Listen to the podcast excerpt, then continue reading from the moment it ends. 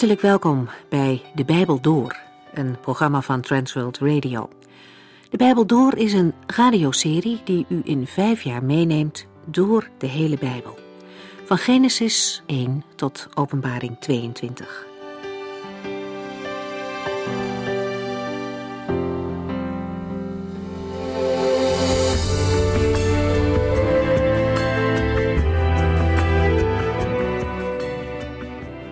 We lezen vandaag in Nehemia 2. Eerst een korte terugblik op de vorige studie. Nehemia werkte aan het hof van de koning. Hij moest de wijn voor de koning inschenken. En als hij hoort dat het met de Joden in Jeruzalem niet goed gaat, gaat hij daarmee naar de Heere God. Hij vast en bidt indringend, dagenlang. En uiteindelijk bidt hij om Gods hulp als hij naar de koning zal gaan. Hij heeft namelijk toestemming van de koning nodig om naar Jeruzalem te kunnen gaan. Maar Nehemia beseft dat het de allerhoogste koning is die de gedachten van aardse koningen leidt. En daar vertrouwt hij ook op.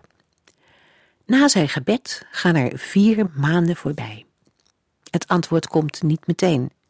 Maar dan op een dag is er een opening wanneer de koning aan Nehemia vraagt waarom hij zo bedroefd is. Nehemia is bang.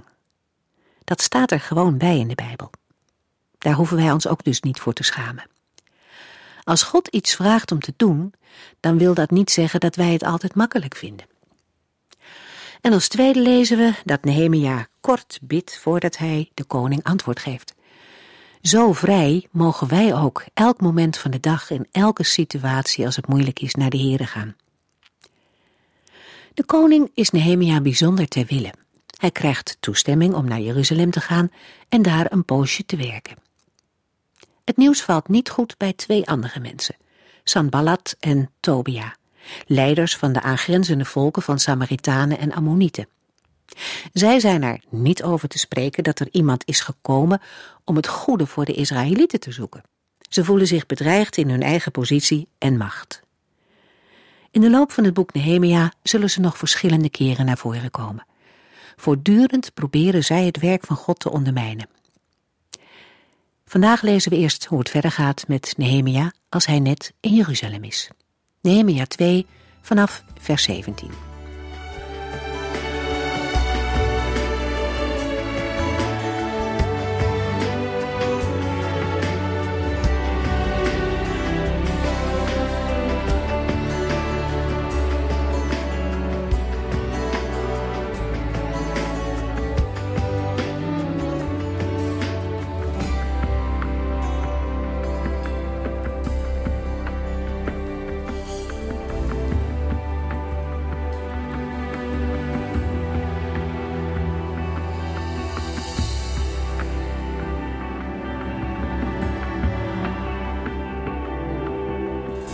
In de vorige uitzending hebben we gelezen dat Nehemia aankomt in Jeruzalem.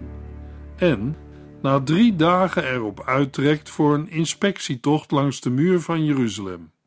Hij doet dit s'nachts met enkele mannen, omdat hij nog geheim wil houden waarvoor hij is gekomen. Er wordt maar één rijdier meegenomen op deze tocht, Nehemia's eigen ezel. Met de woorden: Ik had niemand iets verteld van de plannen voor Jeruzalem die God mij in het hart had gegeven, geeft Nehemia aan dat zijn werk geen eigen initiatief is, maar dat de Heere hem dit heeft ingegeven. Nehemia wil weten in welke toestand de muur van Jeruzalem nu is. Als gouverneur of landvoogd bereidt hij een rijdier. Geheimhouding is nodig om eerst verdere plannen te maken, zonder dwarsgezeten te worden. Nehemia gaat met overleg en verstand te werk en niet over één nacht ijs. In de volgende verse vinden we een beschrijving van de route van Nehemia. Daarbij is het van belang te weten hoe groot Jeruzalem in die tijd was en welke muren herbouwd werden. De keuze is de smalle oude stad van David, die uitgebouwd is in noordelijke richting naar de Tempelberg, of de veel bredere stad zoals die in de tijd van Hiskia is uitgebouwd in westelijke richting. De keuze hangt mede af van de interpretatie van de gegevens in Nehemia 3, vers 1 tot en met 32 en 12, vers 31 tot en met 39. Op grond van verschillende overwegingen kiezen wij voor de beschrijving van een brede stad, inclusief het westelijke deel. Maar er blijven allerlei onzekerheden en het is best mogelijk dat nieuwe opgravingen aanleiding geven tot een bijstelling van deze keuze.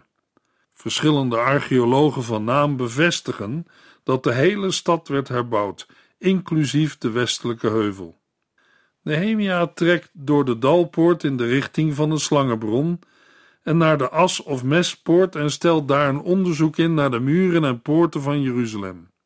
Hij trekt verder naar de bronpoort en de koningsvijver, maar daar blijkt geen gelegenheid meer te zijn voor het rijdier om verder te gaan. Door een aantal uitleggers wordt de bronpoort bij de Gigonbron gelokaliseerd, maar dat is onwaarschijnlijk omdat daar de waterpoort staat. Mogelijk dat de bron Rogel bedoeld is, ruim 200 meter ten zuidwesten van de stad. In dat geval moeten we de bronpoort in het zuidoosten van de stad zoeken. De Koningsvijver is moeilijk te lokaliseren. Misschien is de vijver Siloach aan het eind van Hiskia's tunnel bedoeld. Maar een bron buiten de stadsmuren lijkt aannemelijker. En dat kan een vijver zijn, waar het overtollige water uit de Siloach-vijver in uitkwam. Mogelijk is dit de vijver van Salomo, waar de Joodse historicus Josephus over spreekt. Nehemia moet waarschijnlijk vanwege de steilte van de helling en het vele puin dieper de vallei ingaan, om verder in noordelijke richting te trekken. Daarna klommen Nehemia en zijn mannen door het Kidrondal omhoog om de muur te inspecteren. Door de dalpoort keren ze weer terug en gaan de stad weer in. De verdere tocht wordt niet beschreven. Als de genoemde identificaties juist zijn, heeft Nehemia alleen het zuidoosten, zuiden en zuidwesten van de stadsmuren geïnspecteerd. Waren daar de grootste problemen? Of heeft hij bij zijn aankomst vanuit Susa of in de dagen ervoor het noordelijke deel van de stad al bekeken?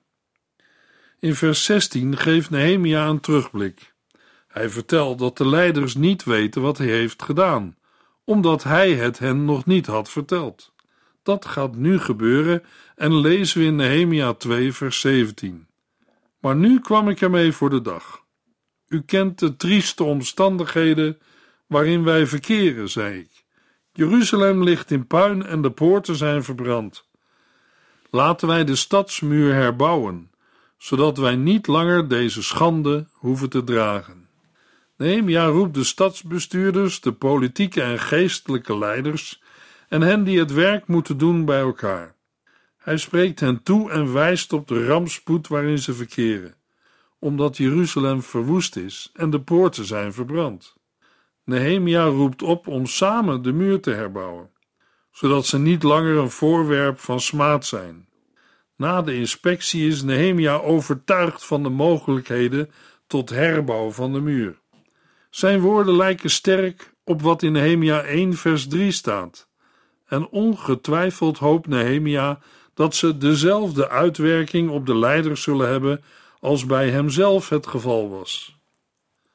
De nadruk ligt niet op de onveiligheid, maar op de smaad en schande, de trieste omstandigheden waarin wij verkeren. De smaad en schande betreft de spot en de beledigingen van de vijanden, de straf van de ballingschap en het feit dat de naam van de Heere wordt gesmaad. Nehemia geeft geen bevel, maar probeert op een tactvolle manier met het gebruik van het woordje wij steun voor zijn plannen te krijgen.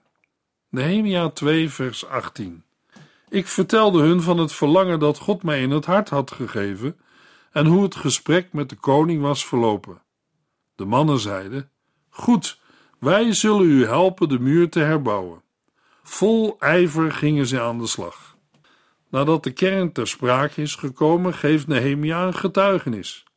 Hij vertelt hoe de Heer hem heeft geholpen en wat koning Artaxerxes heeft geantwoord. De reactie van de toehoorders is positief en ze zijn bereid de herbouw van de muur van Jeruzalem ter hand te nemen. Vol ijver gingen zij aan de slag. Met andere woorden, met krachtige hand vatten zij het goede werk aan.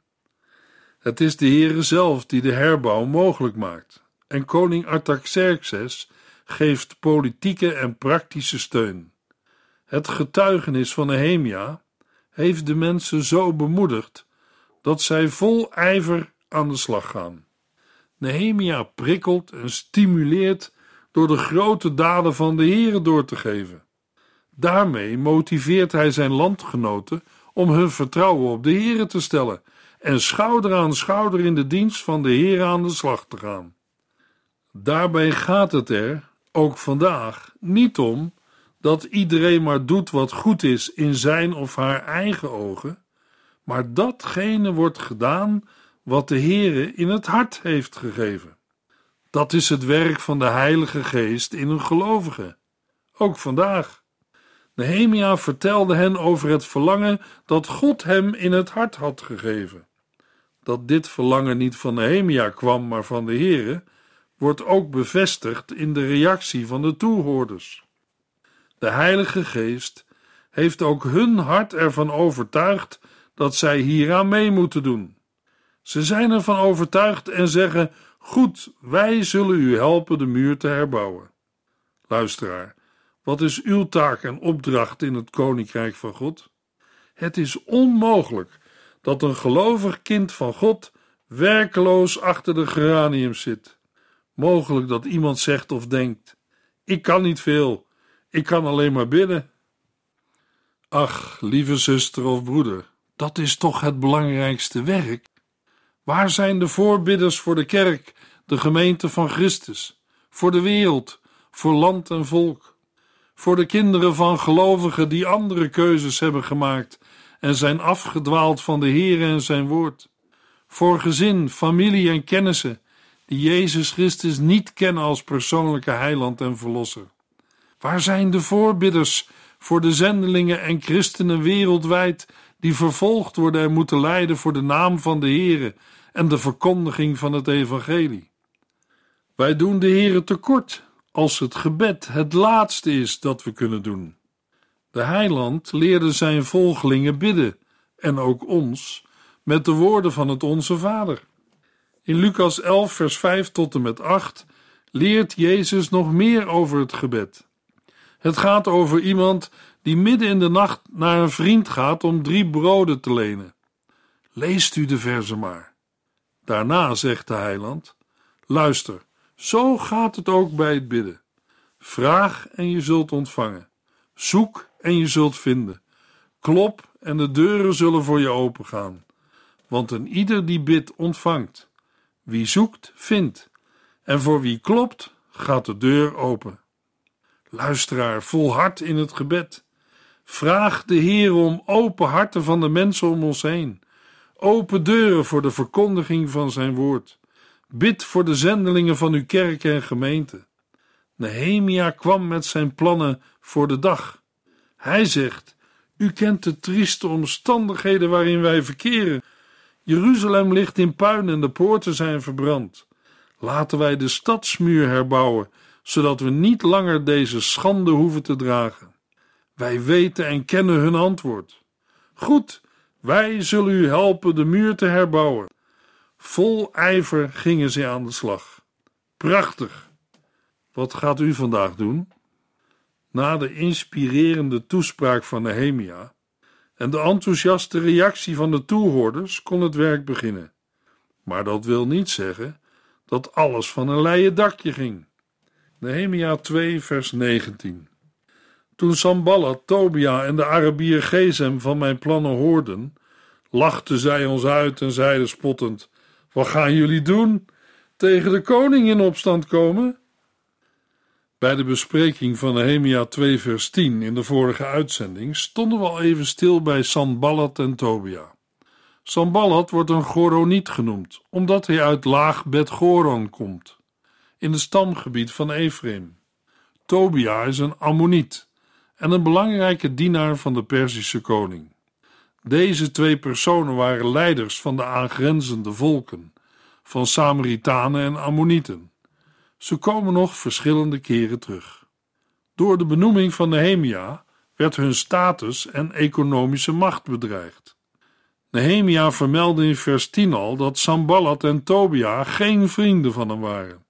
Ze werden woedend omdat er iemand was gekomen met de bedoeling de Israëlieten te helpen. Volgens Nehemia 6 en 13 waren er onder de aangesproken leiders ook verwanten en vrienden van Samballat en Tobia. Het is daarom niet verwonderlijk dat beide heren snel op de hoogte werden gesteld. Maar de tegenstand was toegenomen. We lezen nu ook over een Arabier, Gezem. In Nehemia 6 wordt hij weer genoemd. Zijn naam staat ook op een bij opgravingen in Egypte gevonden zilveren beker. Daarin wordt Gezem koning van Kedar genoemd. Over een groot gebied verspreide groepen Arabieren stonden onder zijn gezag. Gezem vormde een ernstige bedreiging vanuit het zuiden en oosten. De reden van zijn vijandschap is onduidelijk, maar mogelijk was hij tegen een sterkere Perzische aanwezigheid in Juda, of wilde hij Samballat en Tobia helpen. De Samaritanen bedreigen Nehemia en Jeruzalem vanuit het noorden, de Ammonieten vanuit het oosten. Als de inwoners van Asdod, de vertegenwoordigers van de Filistijnen, er nog bij komen, is de vijandschap compleet en is de politiek van omsingeling geslaagd. Bij de mededelingen over de vijanden ontbreekt de vermelding van Edom. Uit de seculiere geschiedenis weten we dat Nabonides Arabië veroverde. Daarmee werd Edom geïntegreerd in Arabië en daardoor grenste Juda aan de zuidkant aan Arabië. De vijanden gebruiken verschillende methodes om te ontmoedigen. Het eerste dat we hier tegenkomen is uitlachen en spot. Spot en minachting zijn machtige wapens als gewone argumenten niet meer helpen. In het bijzonder in een cultuur die meer gevoelig is voor schaamte dan de onze. In het Nieuwe Testament heeft Christus zijn volgelingen voorgehouden dat hun beledigingen, vervolgingen, leugens en laster kan overkomen. De tegenstanders van Nehemia grijpen terug op de beschuldiging van opstand, destijds geuit door regimende zijn, waardoor het werk stil kwam te liggen. Een concreet voorbeeld van spot gaan we lezen in Nehemia 4. In Nehemia 6 komt Samballat opnieuw met de beschuldiging van opstand. Nehemia en de zijnen werden door de vijanden uitgelachen. Daarmee probeerden zij hen van de herbouw van de muur en de poorten af te houden. En wat doet Nehemia? Nehemia 2, vers 20. Maar ik antwoordde: De God van de hemel zal ons helpen. Wij zijn knechten, wij zullen de muur herbouwen. Maar u hoort in Jeruzalem niet thuis. U kunt hier van oudsher geen rechten laten gelden. Nehemia begint zijn antwoord met het godsdienstige aspect. De God van de hemel heeft hem geroepen tot deze taak, en daarin ligt de zekerheid van het slagen van de plannen. Hij en de inwoners van Jeruzalem zullen gehoorzamen en de muur herbouwen. Na het godsdienstige aspect komt er een juridisch punt. Nehemia is benoemd als gouverneur en landvoogd van Juda en de tegenstanders kunnen daar geen rechten laten gelden. Sommige uitleggers vermoeden dat het hier gaat om een recht om deel te nemen in de tempeldienst, maar het is de vraag of dit is bedoeld. In ieder geval is duidelijk dat Nehemia zijn tegenstanders alle rechtsbevoegdheid in Jeruzalem ontzegt. Net als Serubabel laat ook Nehemia de andere volken niet meedoen. In Esra 4 vers 3 hebben we gelezen Serubabel antwoordde: U kunt hieraan niet meedoen. De tempel van de Heere, de God van Israël, mag alleen door Israëlieten worden gebouwd. Zo heeft koning Cyrus van Perzië bepaald. Die wet van Mede en Perzen geldt niet alleen voor de tempel, maar ook voor de muur van Jeruzalem. Nehemia toont zich in dit hoofdstuk een voorzichtig en zorgvuldig leider die met Gods hulp zijn volksgenoten aanspoort om het goede werk ter hand te nemen. Als het nodig is, kan hij ook duidelijk de grenzen aangeven. In zijn optreden vormen afhankelijkheid, gebed tot God, voorzichtigheid en besliste actie een eenheid. Maar Wie het goede zoekt voor Jeruzalem en de Israëlieten, wordt niet altijd begrepen. Jodenhaat en antisemitisme hebben diepe wortels. Vanuit het geloof in de levende en handelende God is het niet nodig om te blijven steken in het zien van puinhopen, maar mag een gelovige gericht zijn op Gods toekomst en van daaruit handelen. Dat betekent niet dat al onze initiatieven zullen slagen, ook al wordt daarbij Nehemia 2 vers 20 gelezen. Wel mag er vertrouwen zijn in de hulp van de Heere, als we ons volledig afhankelijk van Hem opstellen en luisteren naar Zijn woord en geest.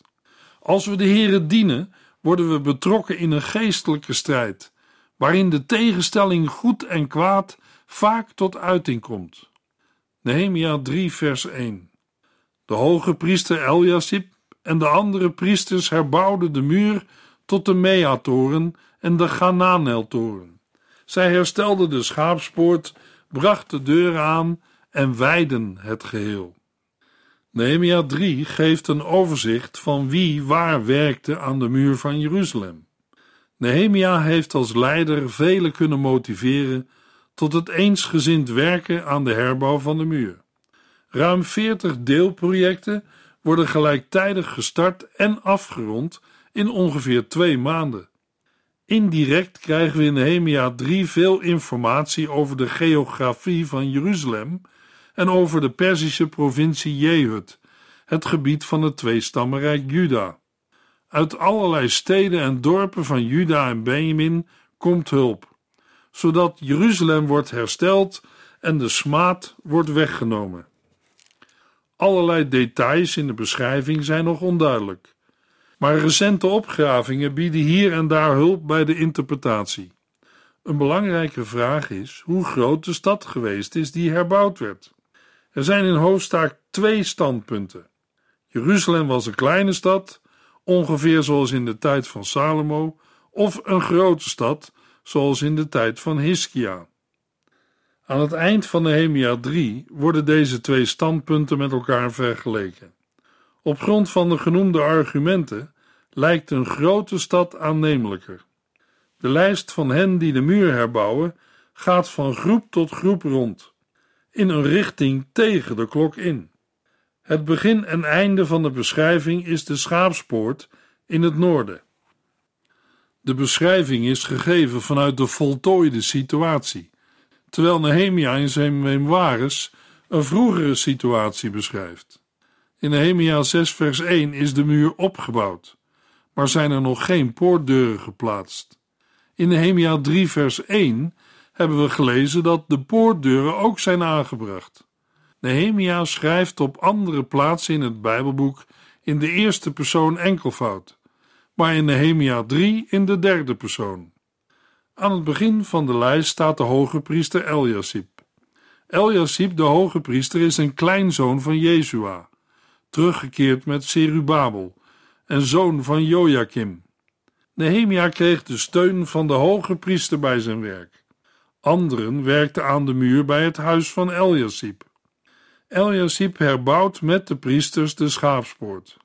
De schaapspoort, ook genoemd in vers 32 en Nehemia 12 vers 39, vinden we aan de noordkant van de stadsmuur, dicht bij het bad Bethsada of Bethesda.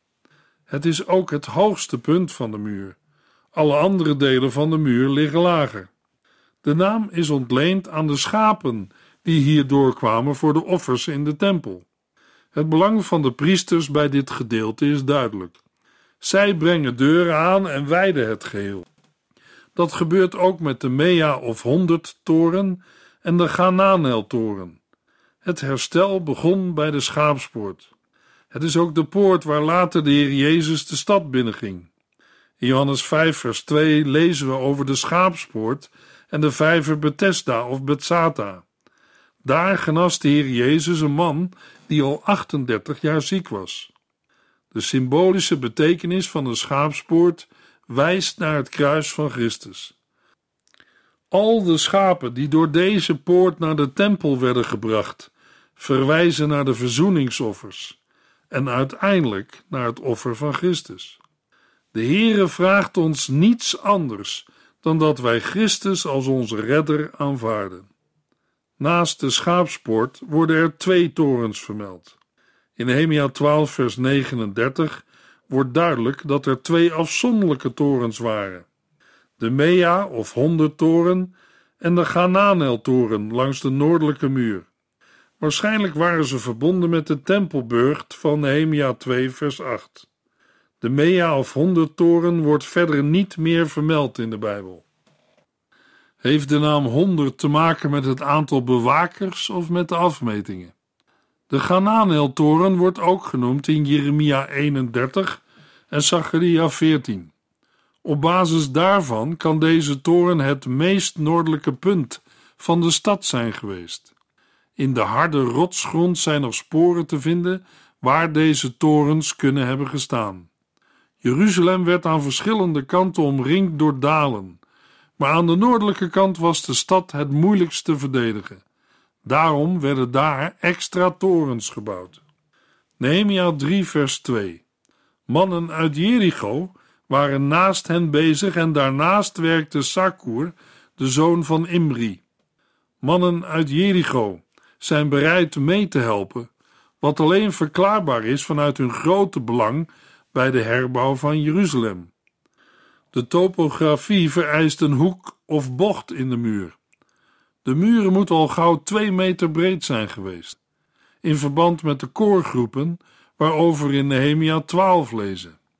Nehemia 3 vers 3 De zonen van Sanaa herbouwden de vispoort. Er kwamen een zoldering, deuren, sluitbalken en grendels in. De vispoort wordt ook genoemd in Nehemia 12 vers 39 en andere Bijbelboeken. Volgens 2 Kronieken 33 vers 14 bouwde Manasse een muur aan de westkant van de Gigonbron tot de vispoort toe.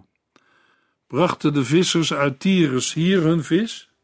De poorten kenden soms ruimte voor bewakers, vandaar dat we lezen over grendels, sluitbalken en deuren. In de volgende uitzending gaan we verder met het lezen in Nehemia 3.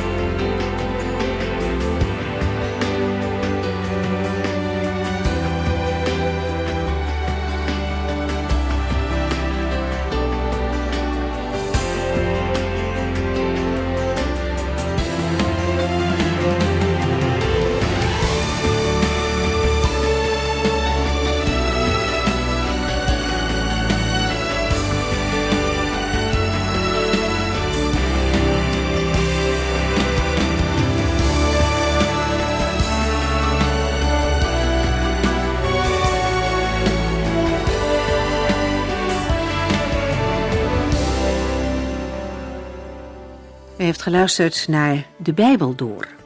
In het Nederlands vertaald en bewerkt door Transworld Radio. Een programma waarin we in vijf jaar tijd de hele Bijbel doorgaan. Als u wilt reageren op deze uitzending of u heeft vragen, dan kunt u contact met ons opnemen.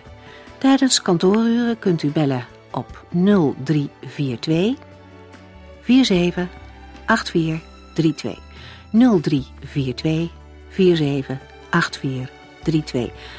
Ook kunt u een e-mail sturen naar de Bijbel door transworldradio.nl en natuurlijk kunt u ook via de post ons bereiken. TWR, postbus 371, postcode 3770, AJ in Barneveld. Dit programma werd gepresenteerd door Cor Weda en Ike André. Techniek was in handen van Odin van Woerdekom. En wij allemaal bedanken u voor het luisteren. Graag tot de volgende keer.